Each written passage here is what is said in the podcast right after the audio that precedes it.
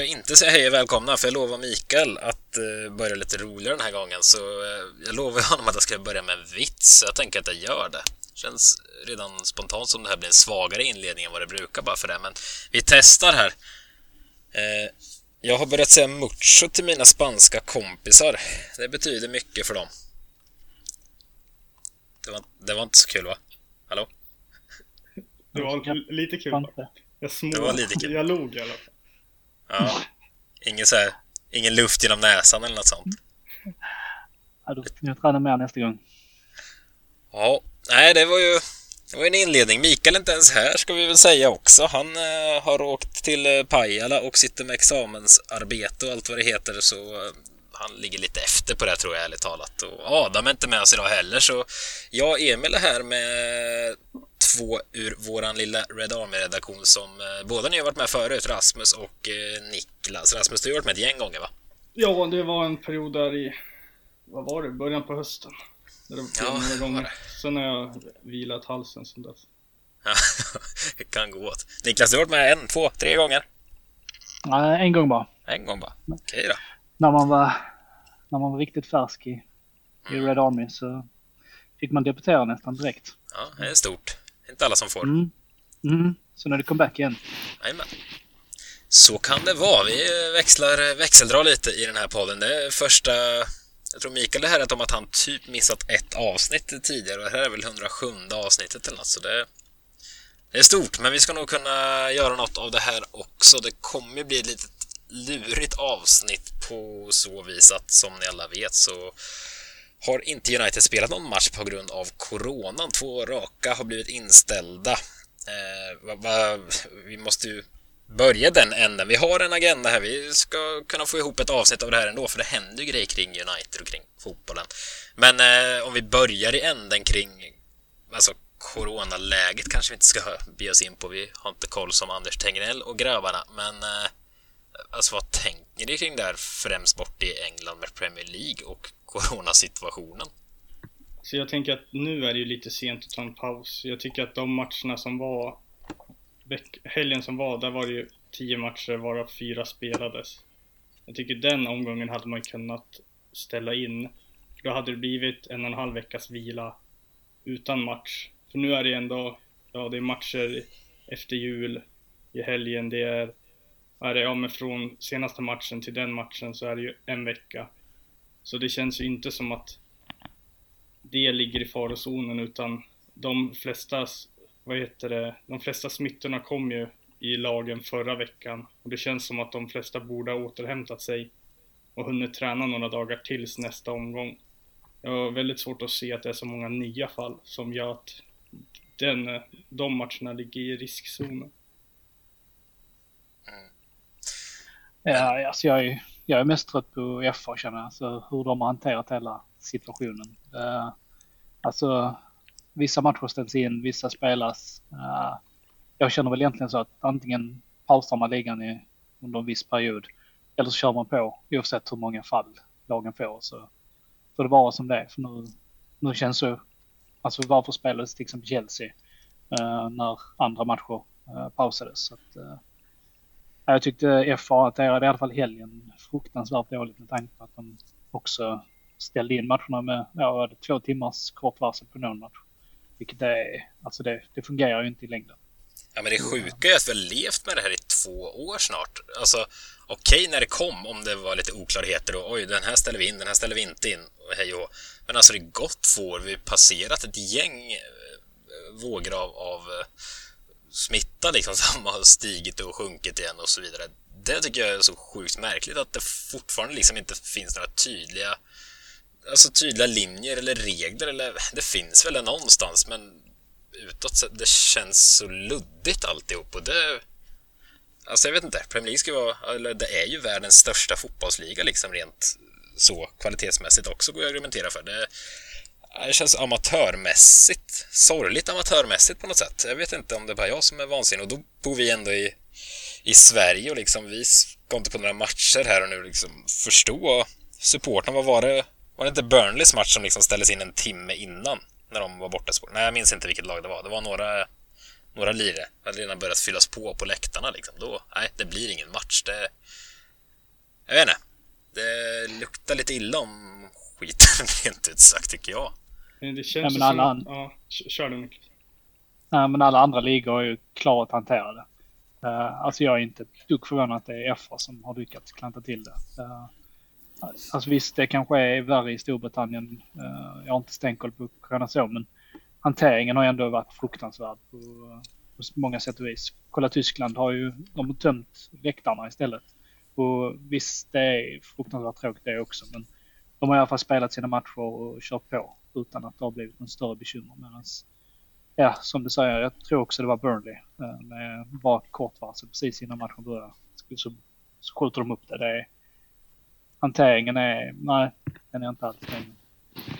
Men det känns som att de blir så jävla stressade för att de känner bara att vi kan inte få plats med två extra omgångar under våren så vi så här, vi försöker verkligen det är det som ligger till grunden att ja, men de här matcherna blir flyttade bara någon timme innan för att de FA vill så verkligen att de ska spela dem. De tänker bara, alltså de tänker ju inte logiskt där. De hade, hade de haft en plan så hade de bara, ja visst, vi kanske finns utrymme i april att spela de här matcherna. Det har vi kollat på för åtta månader sedan när vi la spelschemat inför den här säsongen. Men istället blir de stressade för att de inte riktigt vet vad de ska göra. Men det känns ju som allt, ja, men precis som ni sa också, allt grundar sig i att de inte haft en plan från början och det ja, det känns väldigt oseriöst att en sån stor organisation som FA inte har koll alls. Jag menar, det finns ju till och med en plan för division 1 i hockey och där är det ju så här många som jobbar ideellt och inte sitter på saftiga löner i FA, så det är ju väldigt underkänt betyg till hur de har hanterat. Men är det inte så som ni är inne på också, eh, det var du som sa Niklas med, med ekonomin, att de vill pusha det så långt, eller ekonomin, men det, det finns inte utrymme att spela matcherna någon annan gång. Och alltså, England trycks in, det är ju så ofantligt mycket matcher, det finns ju inte ett andningsutrymme någonstans och det biter de ju röven nu när det blir så här.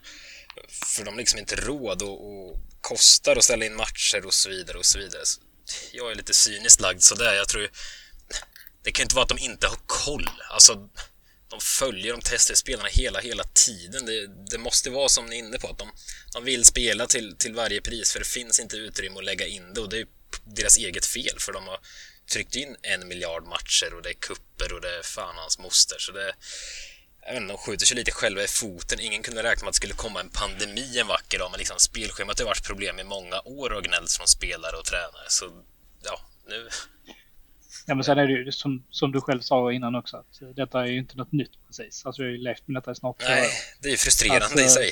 Att, Hur, hur kan vi gå in i december utan att ha en plan B hur det ska hanteras när det blir covid-fall? Alltså... ja, men den omikron nu har ju kommit, alltså det hörde man väl för åtminstone mer än en månad sedan för första gången. Nu vet jag inte, jag höftar lite, men det är inte så att det kom i förrgår och bara åh, hej och nu har det här smällt till, utan det har ju också kommit och det är ju precis som alla andra vågor som har kommit har det ju kommit smygandes, man håller tummen och tänker att det kanske funkar, men sen har man insett att okej, det är bara att acceptera att det kommer en våg liksom. Jag inte, man kan ju inte sitta och hoppas att äh, men det, det, Alltså som första vågen när det kom liksom våren 2020 där, då, då tänkte i alla fall jag och många med mig tror jag så här, ah, men det här blåser väl över som alla de här andra svininfluensa och allt vad som har kommit eh, under min livstid. Men det kan man inte sitta och hoppas på längre, folk måste ha insett att det riktigt så funkar inte det här. Men nej, jag tycker det är lite, det är lite skrämmande på något sätt att det går till som det gör. Nu är Corona skrämmande i sig, men nej, det sköts fruktansvärt osmidigt alltså. Det, Ja, jag, jag antar att vi kommer få se. Uh, i, och med, I och med att det är VM-år nästa år, men det är ju först under, om, från, ja, om ett år i december. Så jag antar att vi kommer få se Premier League in i, en bit in i som, under sommaren också, för annars tror jag det blir svårt att få ihop det här spelschemat. Dock är väl problemet att eh, årets säsong slutar väl i slutet av maj någon gång där. Eh, sen nästkommande säsong är ju tidigare lagd på grund av VM tror jag, så den börjar ju minns inte exakt nu, men rätt tidigt i augusti tror jag. Så alltså skjuts den här säsongen, det kommer bli kommer de ha en månads eh, uppehåll igen i sommar typ. Då har det gått bra många säsonger i rad här nu där det liksom spelarna inte fått några ordentliga uppehåll. Det kan nog bli Nej, och ingen- problematiskt längre fram för spelarnas eh, status liksom. Fysiska status. Och mentala för den delen med. Nej, och ändå en, ändå en säsongstart utan någon ordentlig försäsong. Mm. Så att, eh, Ja. Och det är ju Eh. samma där också, ja men så här, förslag nu så här, Nations League finns kvar, det var förslag att utöka det 2024. Sen är det alla de här ja, men, träningsmatcherna som lagen, landslagen måste spela. Sen är det VM, har det varit VM kvar nu. Sverige har ju, ja, men det är ju tre matcher i playoff under våren också om man skulle vinna första dubbelmötet i semifinal. Sen är det VM nästa år, sen börjar ju kvalet till EM som ska vara nästa år och det, det tar ju aldrig slut. Det är på tok för mycket landskamper och det är ju det största problemet är ju egentligen, som många säger också, att ja, men landskamperna klappar klaffar ju inte alls med säsongerna och att det ska vara, ja men vad var det förra hösten eller den här hösten, då var det Ja, man spelar tre omgångar, sen var det landslagsuppehåll, sen spelar man fem matcher, sen var det landslagsuppehåll. Det blir ingen rytm i det hela. Nej. Nej, märkligt är det. Sen, alltså jag har tänkt på det också. Spelarna i Premier League och andra ligor, eller jag tror det är andra ligor med, men som jag har förstått det, de testas ju typ hela, hela tiden, spelarna, för Corona. Alltså, har ni fattat varför ska just de göra det? Det görs väl inte på andra arbetsplatser i England, eller testas alla hela, hela tiden där? Eller är det just för de med fotbollsspel, Eller fattar ni, fattar ni vad jag menar? Varför testas just de så jäkla ofta? För de flesta av de som eh, varit positiva när jag förstått har inte haft eh, så värst mycket symptom överlag. Så, eh, varför testas just fotbollsspelarna hela tiden? Ja, det har säkert inte ni svar på, men har ni funderat på det med? Ja, men det är en bra fråga i alla fall. Det är ju en, eh, alltså med tanke på att det sitter 75 000 på läktarna som... eh, Ja, det det jag menar. det, det är ju inte alla de som har testat sina matchen så mycket kan man ju Nej. konstatera. Så det är ju Jag bra poäng i alla fall. Sen är det ju väldigt få, eller väldigt få, men eh, förhållandevis få spelare som har eh, vaccinerat sig ordentligt i Premier League. Det är också en fråga som ingen har svar på riktigt kanske, men eh, ja, säg vad man vill om Jürgen Klopp. Jag har väldigt svårt för den mannen i vissa sammanhang, men han har ju gått ut och verkligen varit så här, vaccinera er för fan och Liverpool kommer inte värva några spelare som inte är vaccinerade och så vidare. Kan jag uppskatta faktiskt. Det ska han ha en liten klapp på axeln i alla fall från mig. Men eh, ja, vi får se. Nu är det i alla fall sagt att eh, ligan ska inte ta något uppehåll som det ser ut, så vi räknar med att det blir Boxing Day-fotboll och eh, United lirar ju då den 27 om jag inte är ute och cyklar här nu. Alltså på måndagen efter jul. Stämmer bra. Så ja, vi får se. Just nu kommer det fortsätta. Sen mm, det har pratats om eventuell paus någonting i januari sen med det. Skjuta upp någon omgång eller två. Vi får se. Den som lever får se tänkte jag säga. Vi hoppas att vi alla lever. Eh, släpper vi corona lite och bläddrar framåt eh, från det tycker jag. Eh, vi har ju haft Hannibal Mejbri. Jag vet inte hur man uttalar det. Meshbri kanske man säger. Mejbri. Hannibal säger vi. Eh, har ju varit iväg och lirat Fifa Arab Cup eller afrikanska eller arabiska mästerskapen eller vad man vad det nu ska kallas eh, på svenska. Eh, kom tvåa med Tunisien där. Eh, såg ni någon match till att börja med? Nej, Nej. faktiskt Mm. inte. Jag brukar kolla lite sådana där konstiga matcher, men de spelade väldigt tidigt på dagarna så det... Du kollar jävligt konstiga matcher Rasmus ibland. Mm. Vad var det du såg för någon vecka sedan kommer jag att vi skrev i våran Messenger-chatt? Nej, men det var Ja, ju väldigt. kvalet till eh, högsta ligan i Norge. Just det, just det, det var den matchen som var helt episk. Mm, det var, vad blev det? Fem mål sista sex minuterna på förlängningen typ. Eller åtta minuter eller vad det var. Och, spännande match. Ja, det var du värd, få lite betalt för alla märkliga matcher du sitter och tittar på. Ja, nej men jag har faktiskt inte sett Hannibal, men det jag har läst så har det ju varit positiva betyg i medier i alla fall. Han vann väl matchens lirare i någon match. Ja, två Ja, matcher. Två matcher. Mm. vet det var sex eller sju matcher tror jag. Eh, Varav två matcher så blev han matchens lirare och eh, gjort flera fina insatser. Jag såg eh, större delen av finalen faktiskt. Då, alltså han var gedigen men var inte bäst på plan då kanske. Men han har blivit väldigt rosad för sin insats med Tunisien som, ja, som sagt var kom tvåa förlorade mot Algeriet efter förlängning i finalen. Skrev den här... Eh, tanken var att Mikael skulle vara med i det här avsnittet och han har ju dunderkoll på Hannibal och sett, eh, såg nog de flesta matcherna med Tunisien också tror jag. Men vad, vad tror ni nu när han är tillbaka här, eller tar sig tillbaka till Manchester? Alltså tror ni det är en spelare som, som Ragnik kommer släppa fram på liknande sätt som han släppt fram Elanga? Jag tror nog han kommer få en... Jag tror inte han kommer starta jättemycket, men eh, en del chanser får han nog. Och han har ju en, en position, han är, verkar vara väldigt mångsidig i sin position ju. Och kunna spela både ett centralt som sexa, åtta, tia Uh, jag såg han kommenterade även idag ju. Han även kunde spela på kanten om, om det så skulle vara på det viset. Mm. Uh, det är ju tacksamt med tanke på vilken trupp vi har, att vi behöver någon centralt framförallt just nu. Så att uh, jag tror nog han kan få chansen och eh, uh, Ragnik verkar vara någon som gärna satsar på unga också. Så att, uh, jag hoppas han får chansen i alla fall så att uh, vi får se mer av honom i, i mer A-lagssammanhangen snarare än i, i de yngre eller med uh, ja, arabiska uh, turneringar. För det, motståndet kanske inte är det bästa heller. Uh, men vi får se, han blir väl förmodligen uttagen här till uh, Afrikanska mästerskapen också. Då blir det ju lite mer gediget mm. motstånd också.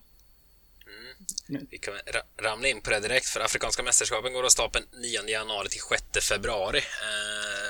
Trupperna är inte uttagna än vad jag har sett. Tyckte det var märkligt tätt inpå men innan eh, tror alltså tio dagar innan eh, deras första match eh, för varje, varje land så måste de eh, tagit ut truppen om jag fattar hela rätt. Tycker det lät väldigt sent men eh, Hannibal med sitt Tunisien är ju högaktuell att eh, vara med där också efter fina insatser i Arab Cup Eh, sen har vi också Ahmad och Baji som är aktuella för eh, Elfenbenskusten.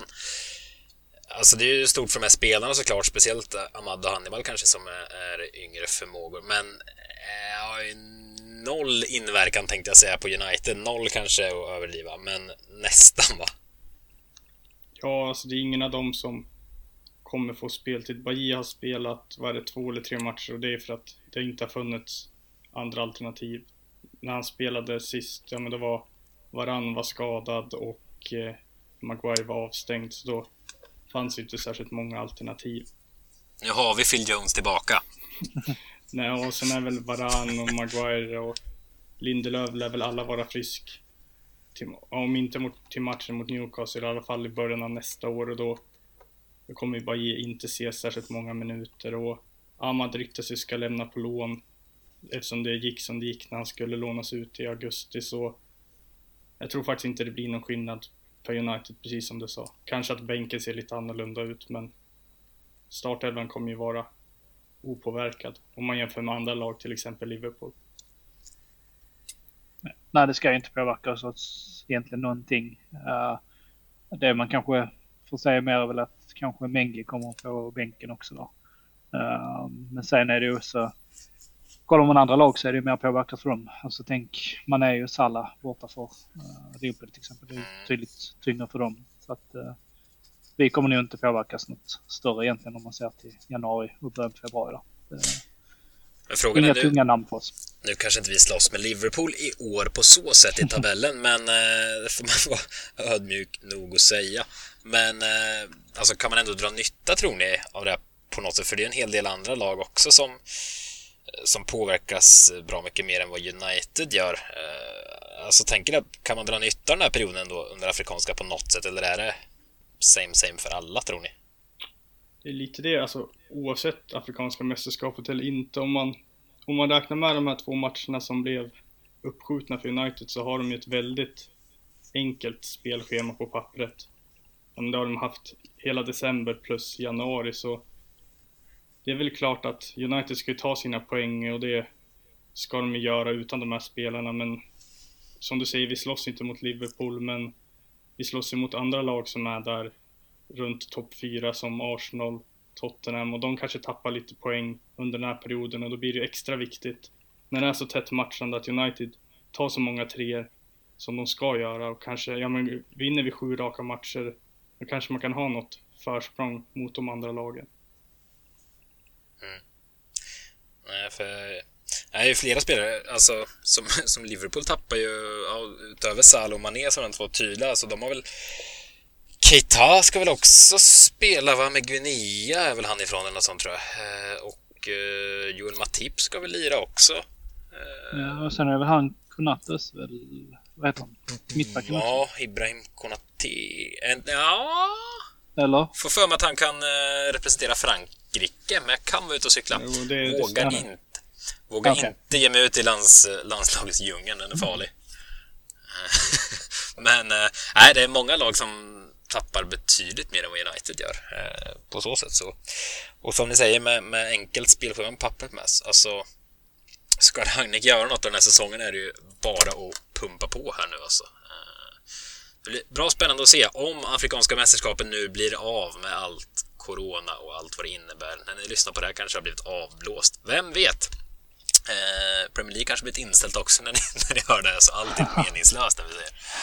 Eh, men, men. Eh, närmar sig ett januarifönster, bara några dagar bort här och ryktena går ju ganska eh, heta nu. Eh, det gör det alltid kring United, både ut och in. Eh, på värvningsfronten in har det inte varit jättehett, men jag läste faktiskt tidigare idag, eh, vad är han heter nu inne med tvältan i Marseille? Bobakar någonting, va?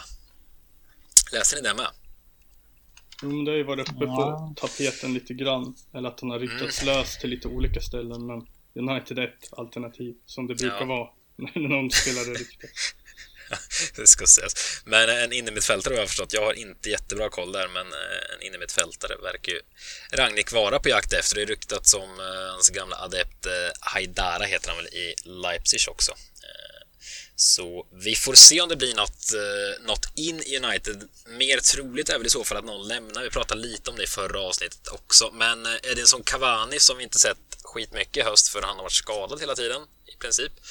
Eh, ryktas ganska starkt till Barcelona nu. Vad tänker ni kring honom?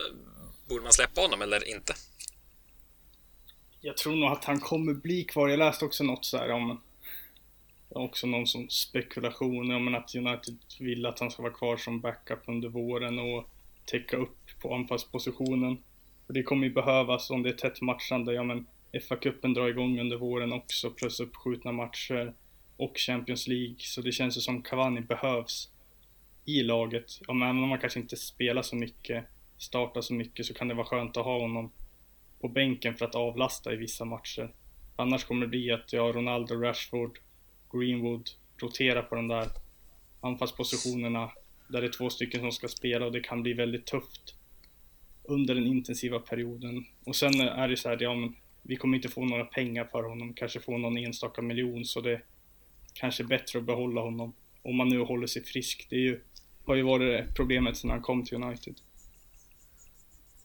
Mm. Ja, men jag håller med eh, Rasmus att det, han borde ju stanna. Det känns ju onödigt att sälja honom i januari i alla fall. Det gör mer nytta för oss att ha honom som backup där till, till anfallet snarare än att få en, en 20 miljoner för honom. Det, det vi, ska vi klara oss utan tycker jag. Så att, eh, jag ser gärna att han stannar även om det, det är Ronaldo, Greenwood, Rashford fram, framförallt som får vara framför. Så, eh, Men tycker ni, Men de är så, tycker ni de är så självklara att gå framför Cavani också? Alltså, det snackas mycket om att han borde passa in i Ragniks spelsätt med hans pressspel och så vidare. Alltså, borde han vara så tydlig reserv? Jag tycker alltid han är vass alltså, när han får lira också. Jag vet inte, jag...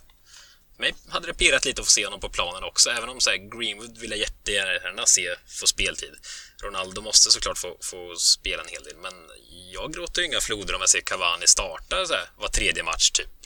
Alltså jag ser jag honom lite... jag ser honom ju bara som, eh, som reserv nu just för att han inte har spelat. Han har inte spelat flera matcher i rad just för att han haft lite små skador. Han var sjuk någonting. I början av säsongen så satt han väl i kar- karantän så det, han har inte riktigt kommit igång. Men om han nu är, ja men om han återhämtar sig helt och är frisk så att han kan spela tre, fyra matcher i rad och gör det bra, då har jag inte heller något emot att han spelar. Men just eftersom det är så ovisst kring hans fysiska status så vet jag inte riktigt vart han, vart han är, hur han ligger till.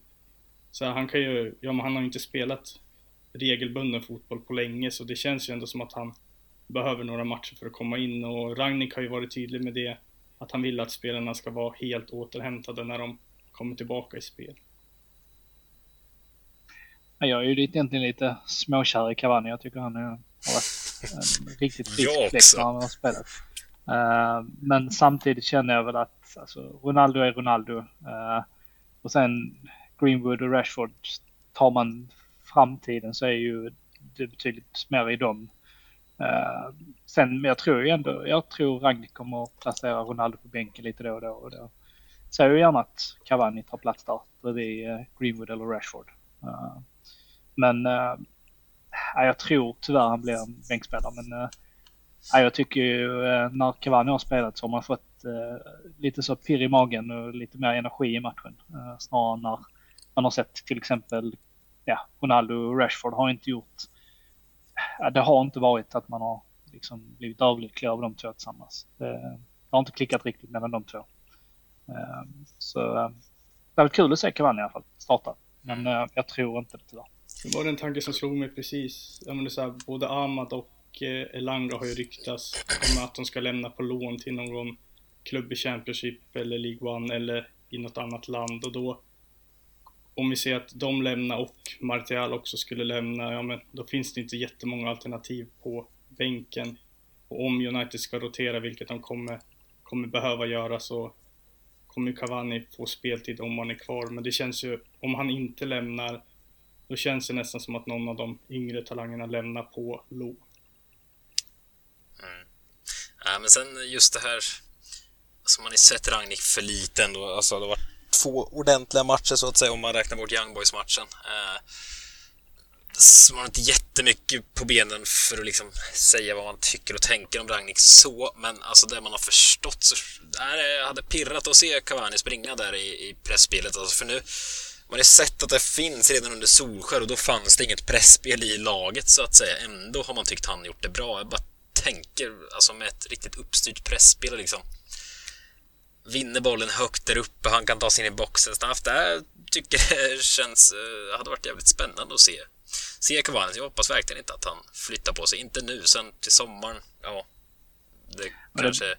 kanske är dags, alltså både, ha både Ronaldo och Cavani som två gamla dinosaurier tänkte jag säga, även om båda levererar och, och, gör det sjukt bra fortfarande för sin ålder så jag vet inte om man ska ha två sådana gamlingar rent ut sagt i truppen. Det är väl lite skeptisk till kanske när man ska bygga nytt här framöver. Jag vet inte.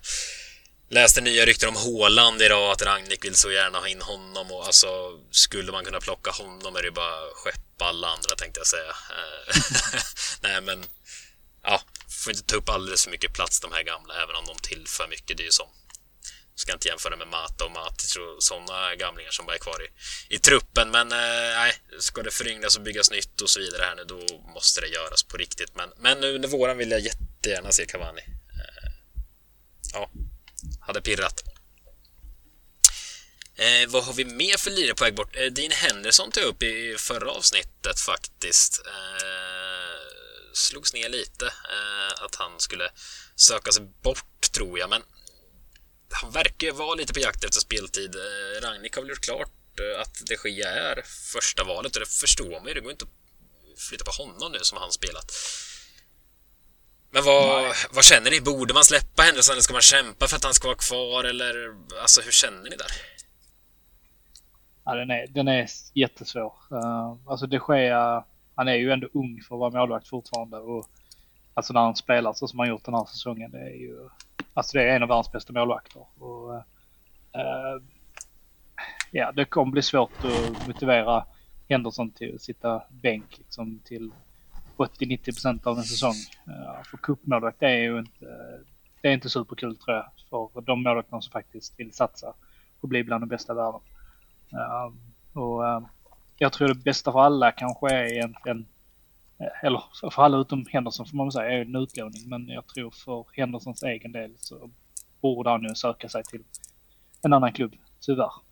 Uh, hade varit kul att se en, eh, en riktig Manchester ta plats mellan stolparna. Men uh, nej, jag tror inte det är tyvärr inte läge just nu med tanke på hur det sker spelar. Jag ändrar lite uppfattning. Jag tyckte att ja, men, den planen som fanns, eller som man kände fanns, var ju att ja, men Henderson efter den här säsongen så var det väl kanske tänkt att Henderson skulle ersätta de Gea fullt ut. Men det ser jag ju som osannolikt nu. Ja, men, ser att de Gea har ju lätt, ja men när han spelar så här bra, han har ju lätt i alla fall två, tre säsonger till kvar om man håller sig som man, i den form han har varit nu. Och vad är Henderson då? Då är han 27 år. Då är det ju kanske inte läge att han ska lånas ut och hållas på och daltas med. Sen ska det vara tänkt att han ska komma in och ersätta de Gea när han är 27 år. Kanske bättre släppa, släppa honom ja, med helt, sälja honom och sen har man, man har ändå Heaton på bänken. Det är fullt en bra målvakt att ha om det sker skulle skada sig. Och sen får man väl i så fall ta in någon ny ung målvakt om det är någon man känner man vill satsa på i framtiden och så kanske man gör det i sommar eller året efter. Någon som man verkligen ser som en långsiktig ersättare till de Gea. Jag tror det är varken Henderson eller United tjänar på att ha det som det är nu. Jag tänkte fråga dig om ni Känner ni att, att man behöver ta in en ny, som du är inne på där?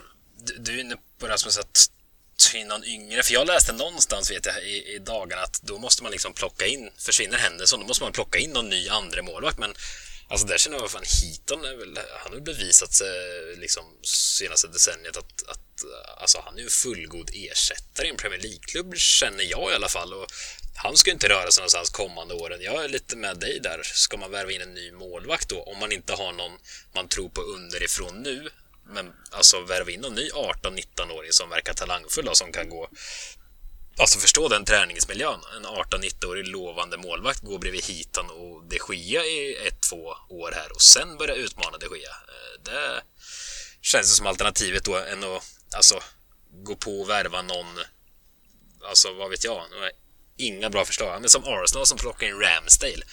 Eh, nu har han gjort det skitbra i och för sig, men en sån värvning känns ju helt minneslös för United i, om Henderson skulle försvinna, tycker inte jag. Alltså, behöver ingen som tar upp kampen med de Gia nu. Han är så pass bra ändå. Ja, det är lite det som, ja, men som Henderson är. Han är väl, ja, Ramsdale har väl blivit det Henderson var förra säsongen liksom. Den här, ja men andra, tredje målvakten i landslaget som gör det bra i ligan. Men Henderson är ju för gammal för att han ska vara, ja men vi väntar på att han ska ersätta de Gea. Han är ju ändå, vad är han, 24 år?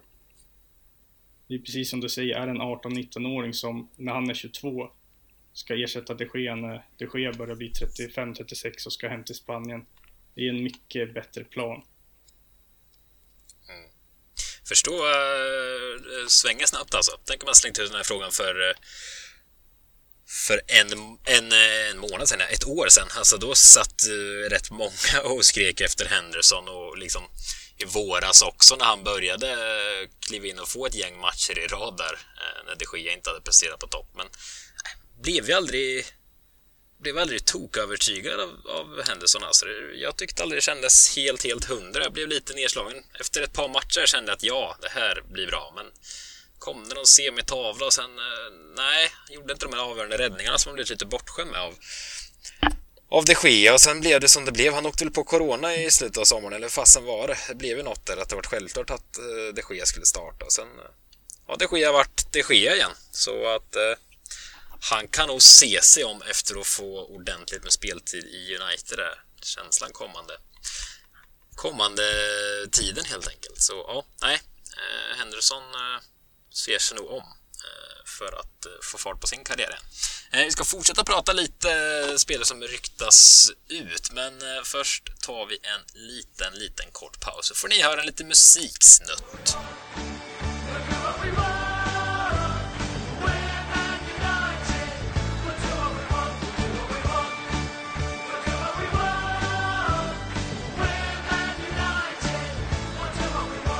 Ja, vi ska gå lite vidare här.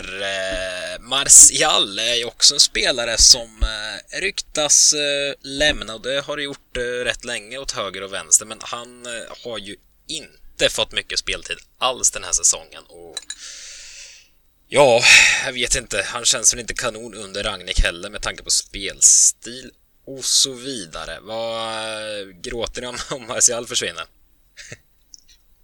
Jag gråter jag inte men uh, jag tycker det är tråkigt. För att det, det är lite så när man kommenterar uh, vad det kunde ha blivit. Men uh, alltså kollar man de senaste vad är det, två, tre åren, alltså det, det har inte sett bra ut. Det, och eh, innan så tyckte man ju lite det var häftigt med den där lama spelstilen. Nu kopplar man lite så till Berbatov men nu när, när Martial spelar som han gör, det, då blir man bara irriterad känner jag.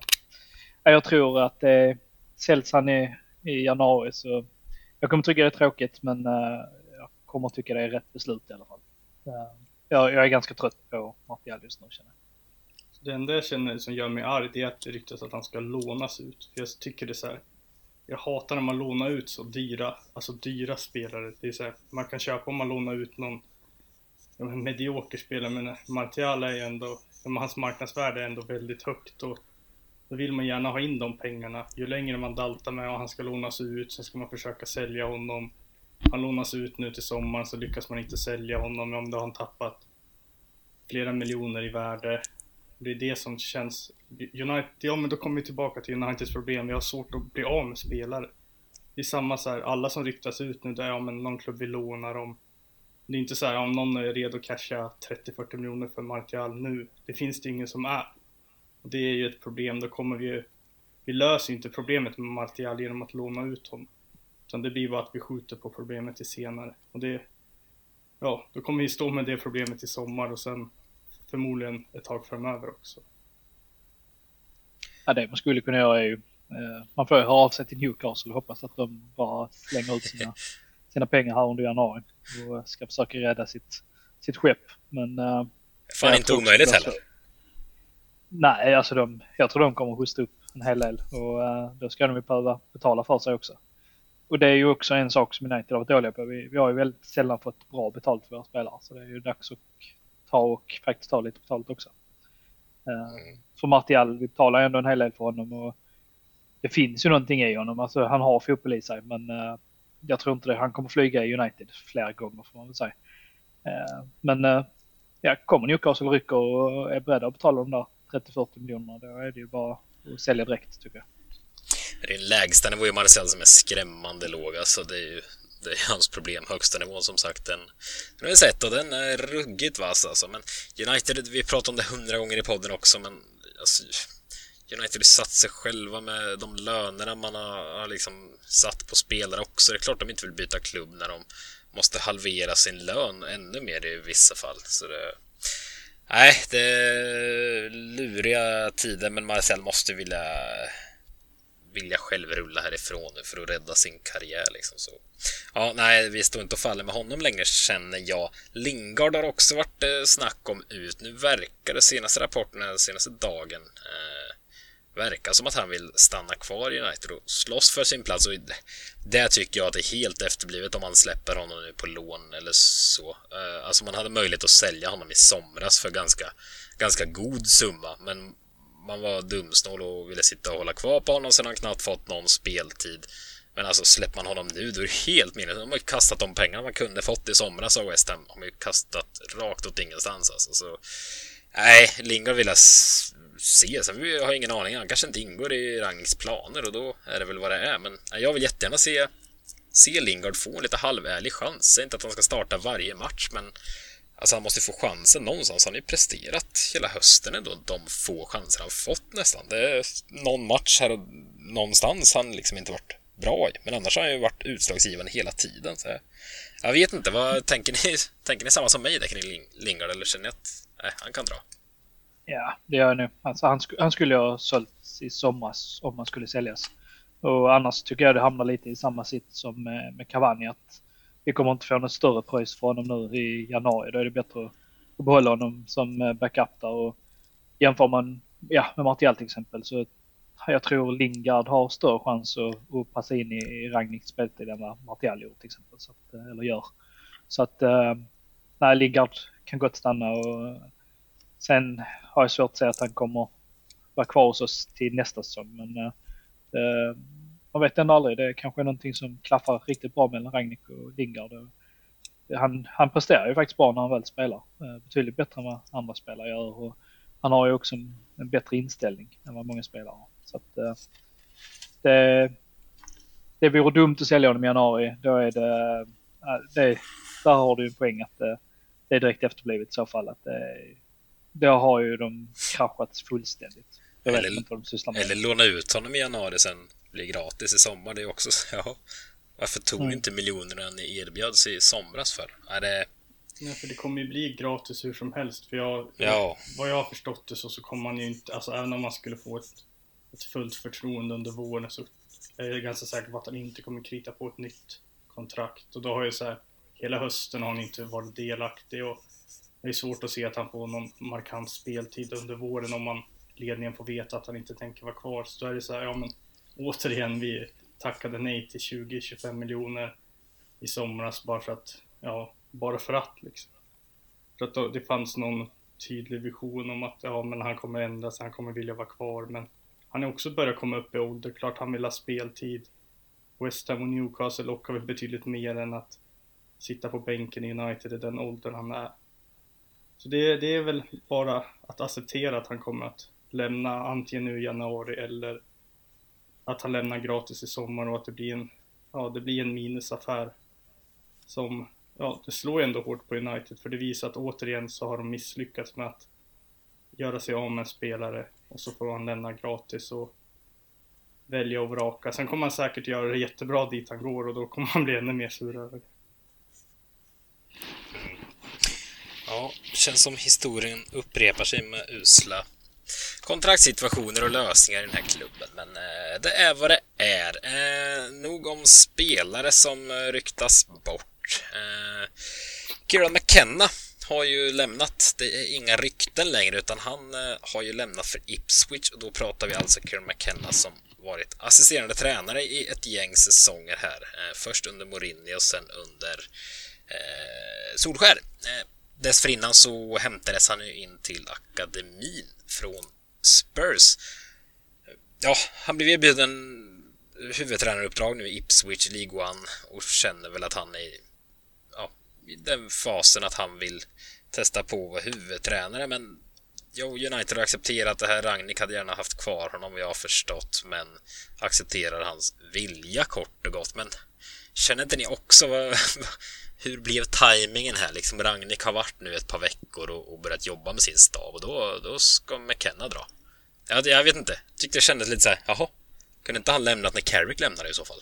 Eller håller ni med mig? Det känns ju mer som att han, att den här möjligheten kom, han kanske inte riktigt visste att han skulle få ett erbjudande, men det känns också att han tänkte bara men jag har ingen framtid i United. Jag kanske får vara kvar under våren, men om det blir en ny huvudtränare i höst, då har jag ju ganska säker på att den tränaren vill ha med sig en del av sin stab och kanske inte är så många av dem som har varit delaktiga under Ole Gunnars tid som får vara kvar.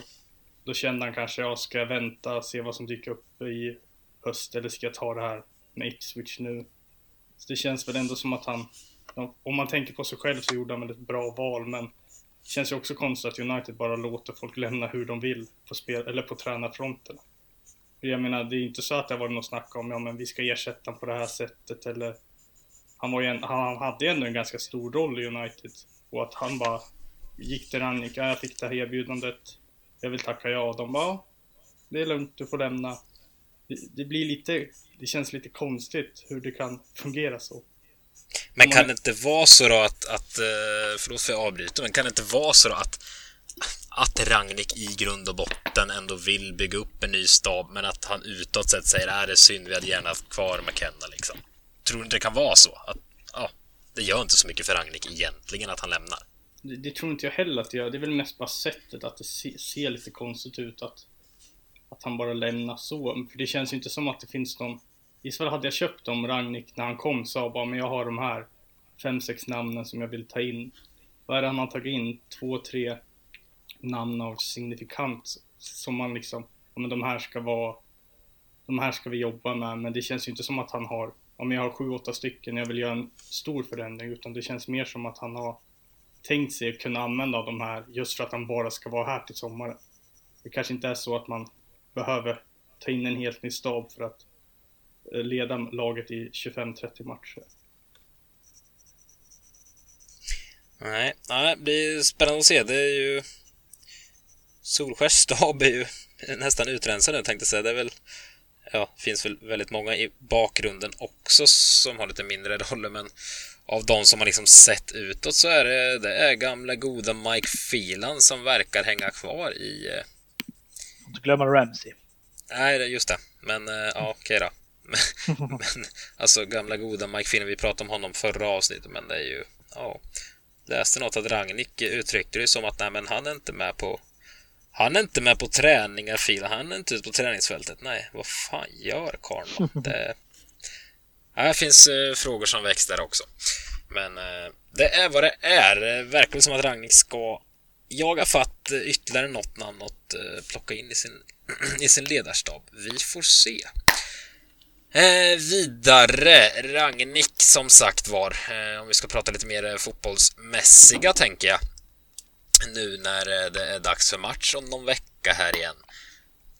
Alltså, sen Ragnik kom in, nu har det bara varit två matcher som sagt var om man räknar bort Young Boys. Men där har ni ändå tydligt kört sin elva. Nu har det varit ja, det sker i kassen, nu har det varit Dalot och Telles mest, men det är på grund av skador. Det återstår att se om han ramlar tillbaka till Wan-Bissaka Shaw eller om han litar på de här eller hur han gör. Mittbacksituationen har också varit lite så fram och tillbaka på grund av eh, Varan har varit borta och det har varit lite skador och så vidare. Eh, men eh, alltså mittfält och framåt, det har ju varit tydligt. McTominay, Fred, det har varit Bruno, Sancho, det har varit Ronaldo och Rashford.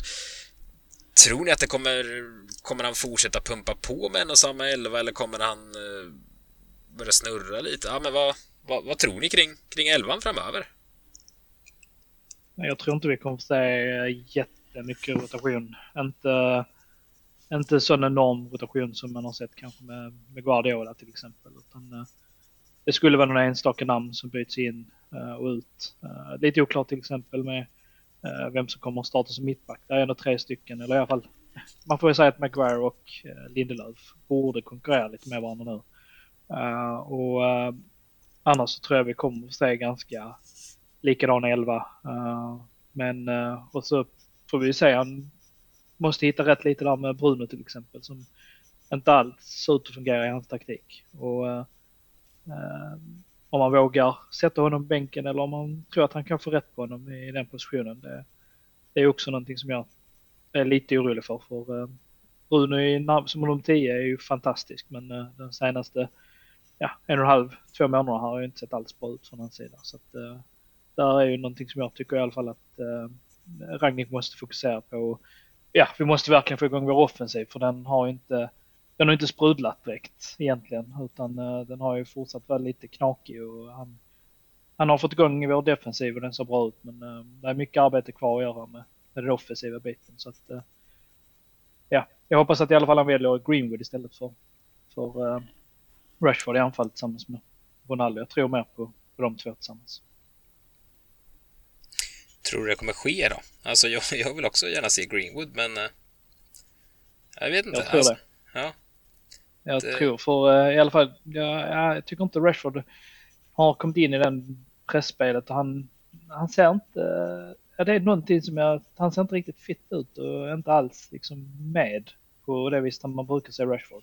Så som han saknar en inställning som jag tyckte man alltid såg innan att han, han kämpade på och löpte de där extra stegen. Men nu känns det lite som att han är lite lam. Och, eh, jag ska inte klandra ner på Ronaldo, men eh, det känns lite som att han härmar honom på något vis och kommer in i hans löpsteg och samma pressspel och så. Och det, det fungerar inte riktigt. Medan Greenwood, jag håller honom som en av de bästa utspelarna under den här säsongen. Och när han spelar, det, det händer någonting hela tiden kring Greenwood. Det, det är små flicka, liksom flacka passningar och han instick och det är skott och dribblingar. Och, ja, jag tycker Greenwood har betydligt mer i att visa än vad, vad Rashford har gjort den här säsongen. Jag tror att det kommer bli mer tydligt också om under Ragnik framöver att är man bra så får man spela och är man ur form så kanske man får någon match på bänken. För det, under Ole var det ju, även på senare tid var det ju om att samma spelare spelar, vi hoppas att vi ska få till det, men fortsätter Bruno vara så här dålig så är jag inte säker att han kommer att starta varje match. Och det som är bäst av Rashford och Greenwood för tillfället bör ju spela bredvid Ronaldo. Om vi, vet det, om vi tar för givet att Ronaldo spelar som han gör nu, att han är effektiv och gör sina mål, men skulle Rashford och Ronaldo gå mållösa fem matcher i rad, då tror jag absolut att vi skulle kunna få se Greenwood och Cavani eller Greenwood och Sancho, att man tar in någon annan bredvid Bruno snäppet nedanför. För jag tror ju absolut inte att det kommer vara samma statiska startelva som det har varit under Ole, utan är man dålig så kommer man få sitta på bänken. Det tror jag är väldigt viktigt för många i United, att de känner att jag måste verkligen leverera för att fortsätta spela. Mm. Men om ni inte tror att det kommer rotera särskilt mycket liksom i, i grund och botten. Alltså för det var ju ändå många som tänkte nu när Ragnik kom in att ja, äntligen kommer Donny få sin chans och så vidare. En sån spelare, tror ni att kommer, kommer han få fortsätta sitta där och, och snällt roteras in var sjunde match liksom? Eller kom, kommer sådana spelare få chansen menar jag? Jag tror inte det. Jag tror ändå att den, de, ja, men det laget vi har sett nu med ja, men Sancho, Fernandes på offensiva mittfältet och sen Rashford eller Greenwood bredvid Ronaldo. Det tror jag kommer vara det, det som kommer spelas de flesta matcher. Och där kanske Donny ligger närmast att roteras in, men jag har väldigt svårt att se att han får fyra, fem matcher i rad samtidigt som Sancho eller Bruno ska sitta på bänken fyra, fem matcher i rad. Jag har väldigt svårt att se att det ska hända. Nej, jag tror inte heller det. Uh, McTominay och Fred har gjort det jäkligt bra också senaste tiden. Så att, uh, att det skulle vara i så fall om Ragnik, jag tror inte det, men uh, om man då skulle rotera och köra lite mer offensivt tänk från det centrala mittfältet uh, och byta ut då till exempel Fred eller McTominay mot uh, Donny och köra en lite mer offensiv pjäs. Men nej, jag tror inte det på det. Och sen, man får inte glömma heller att Pogba finns ju där bakom också. Just det. Uh, så att, uh, nej, jag tror ju att Donny är nog borta här till, till sommaren. Det känns inte som hans United-karriär kommer sätta fart riktigt. Tyvärr. Makalöst. Det är ingen spelare som liksom fått så lite speltid som fått så här mycket speltid i podden. han är mer, mer speltid i podden än vad han har i, i United-tröjan alltså. Eh, Donny-podden där. Men, men lite, Otroligt, men han... Av någon anledning väcker han mycket känslor hos, hos alltså folk, supportrar. Han diskuteras mycket. Många vill ha in honom, men jag vet inte. Blir lite symbolspelare på något sätt. Men jag tycker också det där att han inte riktigt har så här. Ska han spela bredvid McTominay eller Fred? Eller ska han spela på ett offensivt mittfält? Det känns ju inte som att han riktigt... Ja men att man riktigt vet vad är tanken var. Varför värvade man honom? Man värvade honom inte till offensiva mittfältet. Där har ju Bruno varit och man, det känns inte som att man har värvat honom för att spela ja, men i ett 4-2-3-1 som det var när han värvades in bredvid McTominay eller Fred. Så det känns lite som att det inte riktigt finns någon plats för honom på planen där han riktigt hör hemma och då blir det väl att ja, han får helt enkelt sitta på bänken och sen komma in i vissa matchbilder och då spelar han ju ofta i en mer offensiv roll men det känns ju Ja det känns väldigt konstigt allting när man väl tänker på det. Ju mer man tänker på det, desto mer oklart blir det vad planen var med honom från första början. Det fanns nog ingen va? det... Men sen, jag vet inte riktigt vad jag ska placera Donny heller. Alltså, jag vet inte riktigt, jag kan inte sätta finger på exakt vad han är bra på. Alltså, och jag kan inte heller sätta något finger på vad han är dålig på.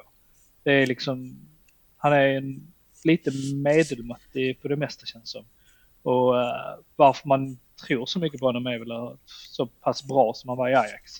Men då var det ju också ett spelsätt som nog var perfekt för honom. Det, han var uppväxt med den spelstilen och hade den typen av spelare runt om sig. Uh, jag, nej, jag tror inte att han kommer riktigt komma igång i United för att då måste spelet anpassas mer efter honom och det, det kommer ju vi inte göra. Det är inte så vi bygger ett lag och, uh, och skulle vi bygga ett lag kring enstaka spelare så tror jag inte det hade blivit Donny i alla fall.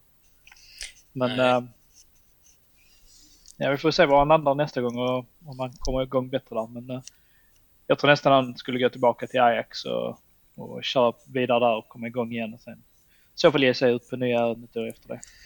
Mm. En egen kategori spelare där alltså, de som är så här inte bäst på något men kan allting. Kan vara både en enorm styrka att liksom vara, vara ganska duktig på allting men också en enorm svaghet att man inte har någon, någon edge eh, som får en att bli ta det där sista steget och bli helt ordinarie för det finns alltid någon som är bättre. Om man behöver just det här, den här matchbilden så har vi den här killen. Behöver vi någon som gör det där så har vi den här killen. Så det, ja, det är lite eh, lurig, lurig spel, eh, typ av spelare kan man väl säga. Eh, nu släpper vi Donny för den, för den här gången. Vi pratar säkert om honom i nästa avsnitt igen. Eh, vi, vi, alltså en sak jag har tänkt på kring, eh, kring Ragnik. Eh, jag fick ju för mig i alla fall när, när det var klart att han skulle komma att oj, nu kommer det bli lite, lite fart och fläkt här. Hög press och det kommer det bli lite halabaloo här med, med spelet. Det kan nog bli 5-3 matcher. Men så har det definitivt inte blivit, utan han har haft väldigt fokus på defensiven, vilket han har förbättrat i de här få matcherna. Men det har ju varit noll sprudlande. Jag, alltså jag minns när, när Klopp, som ändå har eh, Ragnik som lite läromästare, har det väl sagts. Alltså, när han kom till Liverpool, jag minns, eh, jag minns inte exakt om det var precis i början när han kom till Liverpool, men i hans första tid så var det ändå världens rock'n'roll kring Liverpool. Det vart ju hur mycket mål åt alla håll och kanter. Man visste aldrig vad man fick. Alltså, tror ni att det kommer bli lite mer sprudlande kring United med Ragnik eller kommer det vara så tillknäppt och, och stabilt som det ändå varit eh, nu? Ganska tråkigt nästan att kolla på. Jag tror absolut det kommer komma igång. Det, jag tror fokus mycket har legat på att sätta defensiven. Den, den har inte varit superbra under den här säsongen. Så att, eh, jag tror hans fokus har legat på att sätta den och sen eh, bygga därifrån. Och, eh, jag tror vi kommer absolut få se United komma igång. Jag tror mycket på Ragnik uh, eh, och på hans filosofi. Men uh, med det sagt så får man ju ha lite tålamod ändå. Jag tror inte vi ska liksom tro att uh, på måndag mot Newcastle så vinner vi 5-0 och allt ser jättebra ut. Utan jag, jag tror vi kommer komma in uh, närmare matchen mot Atletico i första mötet där innan vi får se en ordentlig spelstil och sprudlande spel. Så att, ehm, någon månad får det nog dröja tyvärr. Och sen är det ingen av de offensiva spelarna som har haft en bra säsongsinledning. Så här, Sancho har inte levererat särskilt många poäng. Det har inte Greenwood gjort heller, fast han har varit bra. Inte Rashford heller. Ronaldo har gjort lite mål, men han har inte varit dominant. Så det känns som om man får igång ja, men de fyra offensiva spelarna så att de kanske, ja, om, om de gör sitt jobb som de ska, då kommer United göra minst tre mål per match. Men det känns alltid som att när någon av dem är bra, då är de andra dåliga. Jag har inte sett någon match där Sancho, Fernandes, Greenwood och Ronaldo har sprudlat samtidigt. Men det är väl lite det som vi väntar på, att alla väntar på ska ske. För om det sker, då kommer det bli sådär som du säger, vi vinner boll högt, pressspelet, är farliga i kontringarna, farliga omställningarna och så kommer vi lätt kunna göra tre mål mot de flesta motstånd i ligan. Men eh, det har inte funkat nu för att de har haft lite dåligt självförtroende. Fått det att stämma helt enkelt. Men samtidigt också vet vi att vi kan hålla nollan i någon match framöver så kommer det ju göra mycket. Då kanske man vågar gå lite mer offensivt istället för att man känner ja, så fort vi går framåt så vet vi att det är ihåligt på mittfältet och vi släpper in ett mål direkt och sen måste vi jaga. Det är inget som United är bra på, de är ju värdelösa på att jaga. Så det känns ju som att får man det att klaffa och med tanke på vilka spelare vi har där framme så vore det konstigt om det inte klaffar förr eller senare. Nej, men det är du inne på att det inte har klaffat utan att det är någon spelare som presterat en match och någon annan nästa match. Det är väl mycket det vi varit inne på förr och som alla pratade om. Det fanns liksom ingen det fanns ingen filosofi under Solskär. Det var bara slänga ut bollen och, och köra. Eh, ena dagen oftast hade Bruno, Bruno dagen, men ja, säg att en spelare har dagen så att säga två av sju dagar i veckan. Eh, och, och, ja, då ska det mycket till att alla råkar klaffa och ha dagen liksom. Finns det en spelfilosofi om Ragnik lyckas få in sitt sätt att spela, eh, då behöver man kanske inte ha dagen med stort D för att det ska flyga utan då, då får man hjälp av sina lagkamrater och man hjälper sina lagkamrater till att, som du är inne på där, att man får det att klaffa tillsammans eh, som en enhet och det Ja, vi har fruktansvärt bra spelare i den här truppen faktiskt. Det kan ingen komma och säga annat. Det finns hål och luckor att fylla i truppen, men det finns en sjuk kvalitet och ja, det... Man ser fram emot att det ska klaffa och de ska flyga ihop. Eh, bara hoppas att det hoppas att det kommer och att förhoppningarna man har på Ragnik eh, besannas, så att säga. Blir. Eh, ja, det är spännande här. Eh, speciellt som vi varit inne på, enkla spelschemat. Får vi se. Får jag prata spelschema när Mikael inte är med, för det gillar inte han. Eh, nej, vi ska inte fastna i det här, men eh, nej, det är ett fruktansvärt enkelt spelschema United har på pappret, så det Hoppas att vi får se en utveckling i spelet offensivt också. Eh, vi ska börja runda av så sakteliga här, men eh, jag tänker ändå höstsäsongen är ju i det närmsta slut här nu. Det, ja, två matcher till ska vi ha innan nyår. Är det sagt? Eh, sen får vi se om det verkligen blir så. Eh, men eh, om vi ska göra lite bokslut här, eh, hösten, det är ju det går ju inte att säga att det är godkänt med tanke på hur det har sett ut under Solskär och så vidare och vi har diskuterat det så mycket eh, det, det, har inte sett, sett OK ut. Men om vi ska gå in lite på spelarna ändå. Har ni några spelare som har överraskat positivt och några som har överraskat eh, negativt på er under, under hösten? Vad tar ni med er rent, rent spelarmässigt? Alltså överraskat kanske vet inte, men jag trodde mycket på, på det sker. Uh, jag tyckte jag såg mer pondus av honom redan för slutet på förra säsongen. Men uh, för mig är det, han är ju säsongens spelare redan. Det, jag kan inte säga att någon petar bort honom från den tronen. För det, så många gånger som han har räddat oss under den här säsongen och han har haft en helt otrolig nivå den här säsongen. Så att uh, han är ju det överlägset störst positiva för min del. Uh, men annars så, eh, ja, Greenwood är jag imponerad av också. Jag tycker att han, han flyger när han väl spelar så att jag hoppas verkligen att han, ja nu har han varit borta ett tag så att jag hoppas att han kommer igång igen och får speltid. Men sen, nu blir det en tredje spelare men uh, det är okay. jag har varit imponerad av Lindelöf alltså den här säsongen. Uh, jag skrev en text om det här i, om det var förra veckan också.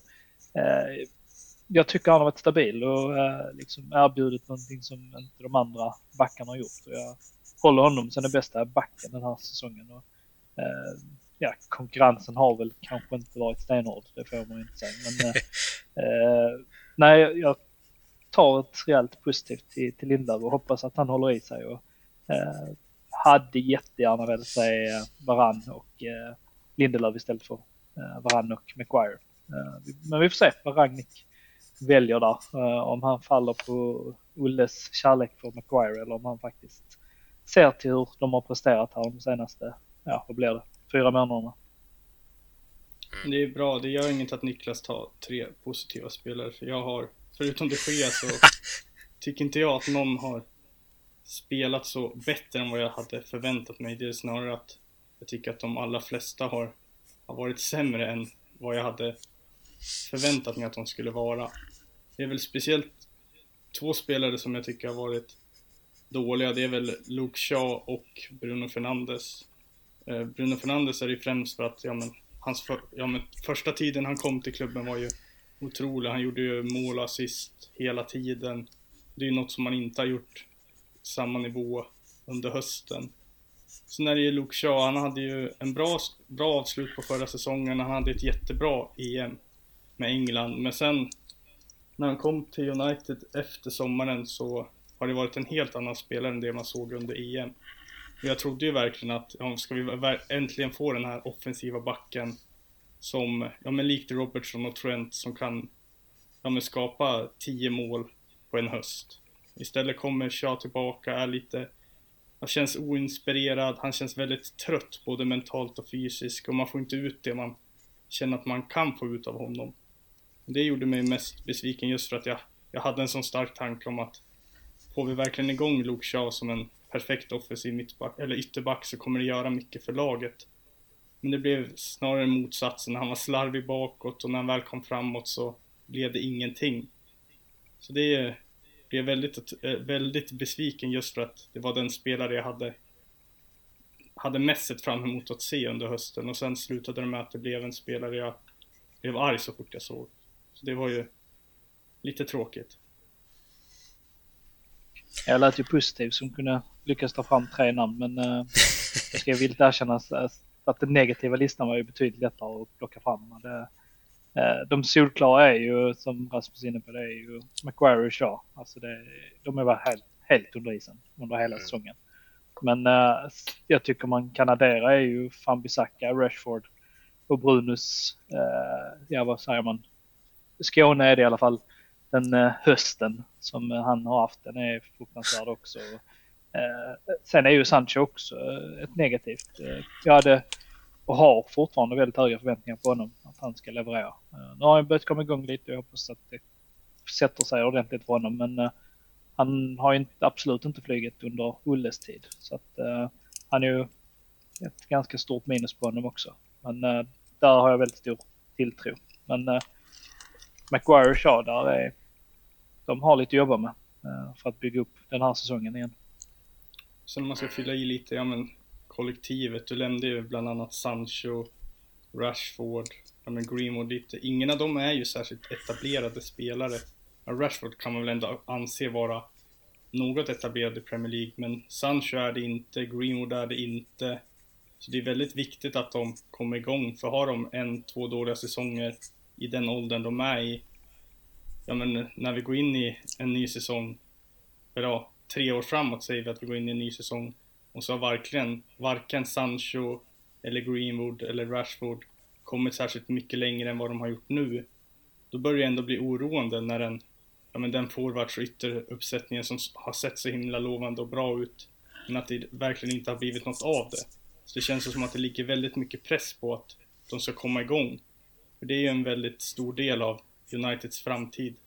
Det är väldigt viktigt att de kommer igång och det tror jag absolut att de kommer göra men det är ändå lite oroväckande att ingen av dem har tagit det där steget till att vara en av de bättre i ligan. Som till exempel Mason Mount, Phil Foden, som är i samma ålder. De är ju mycket längre fram än vad Sancho och Greenwood är just nu om man tänker till hur de presterar. Mm.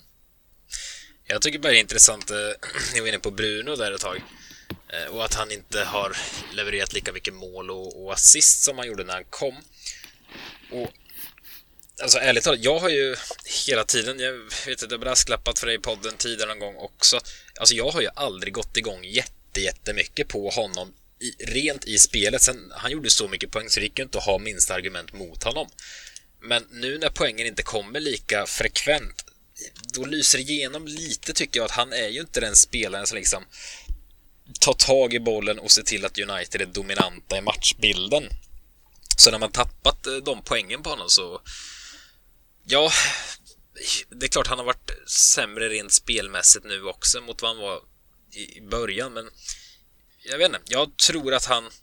Alltså, det går inte att ta ner vad han har gjort för United sedan han kom, men någonstans ibland har jag ärligt talat känt att han varit lite överhypad, speciellt inom United. Eh, att så här, Folk skulle komma och jämföra honom med Kevin De Bruyne. Jag har känt bara, nej men sluta. De Bruyne är ju hur bra som helst i liksom spelet och liksom kan ta tag i bollen och dominera en match fullständigt. Där är inte Bruno. Eh, och han har ju kompenserat det så att säga med extremt mycket poäng, men när den nu har dalat så... Ja, jag, jag är lite, lite oroad där att eh, vi har fått mer än vad vi borde fått från Bruno att folk räknar med att vi ska fortsätta det. Jag, jag är inte helt övertygad att han kommer komma tillbaka till den extrema topp som vi såg faktiskt. Eh, sen är jag, jag pessimistiskt lagd. Det har alla förstått som lyssnar på den här podden, men eh, jag vet inte. Jag fick någon avhyvling av någon någon gång när jag satt och kritiserade Bruno i, i podden när han fortsatte leverera. Men eh, ja, nej, jag vet inte. Det är någonting. Nej, jag köper ditt resonemang, men jag tycker ändå Bruno han erbjuder något i spelet som ingen annan gör. Med, jag tycker han, eh, alltså, han har ett one-touch-spel som ingen i princip i vår trupp kan göra. Så att eh, ofta så kan han liksom vara alltid spelbar och eh, det går snabbt när han får bollen. Men sen ibland så ska han ju på det här med att han ska göra det där extra och han ska slå den alltid nästan avgörande passningen.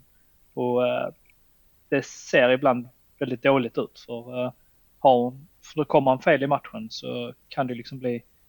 Han kan stå och slå sju, åtta bollar helt fel adress flera gånger.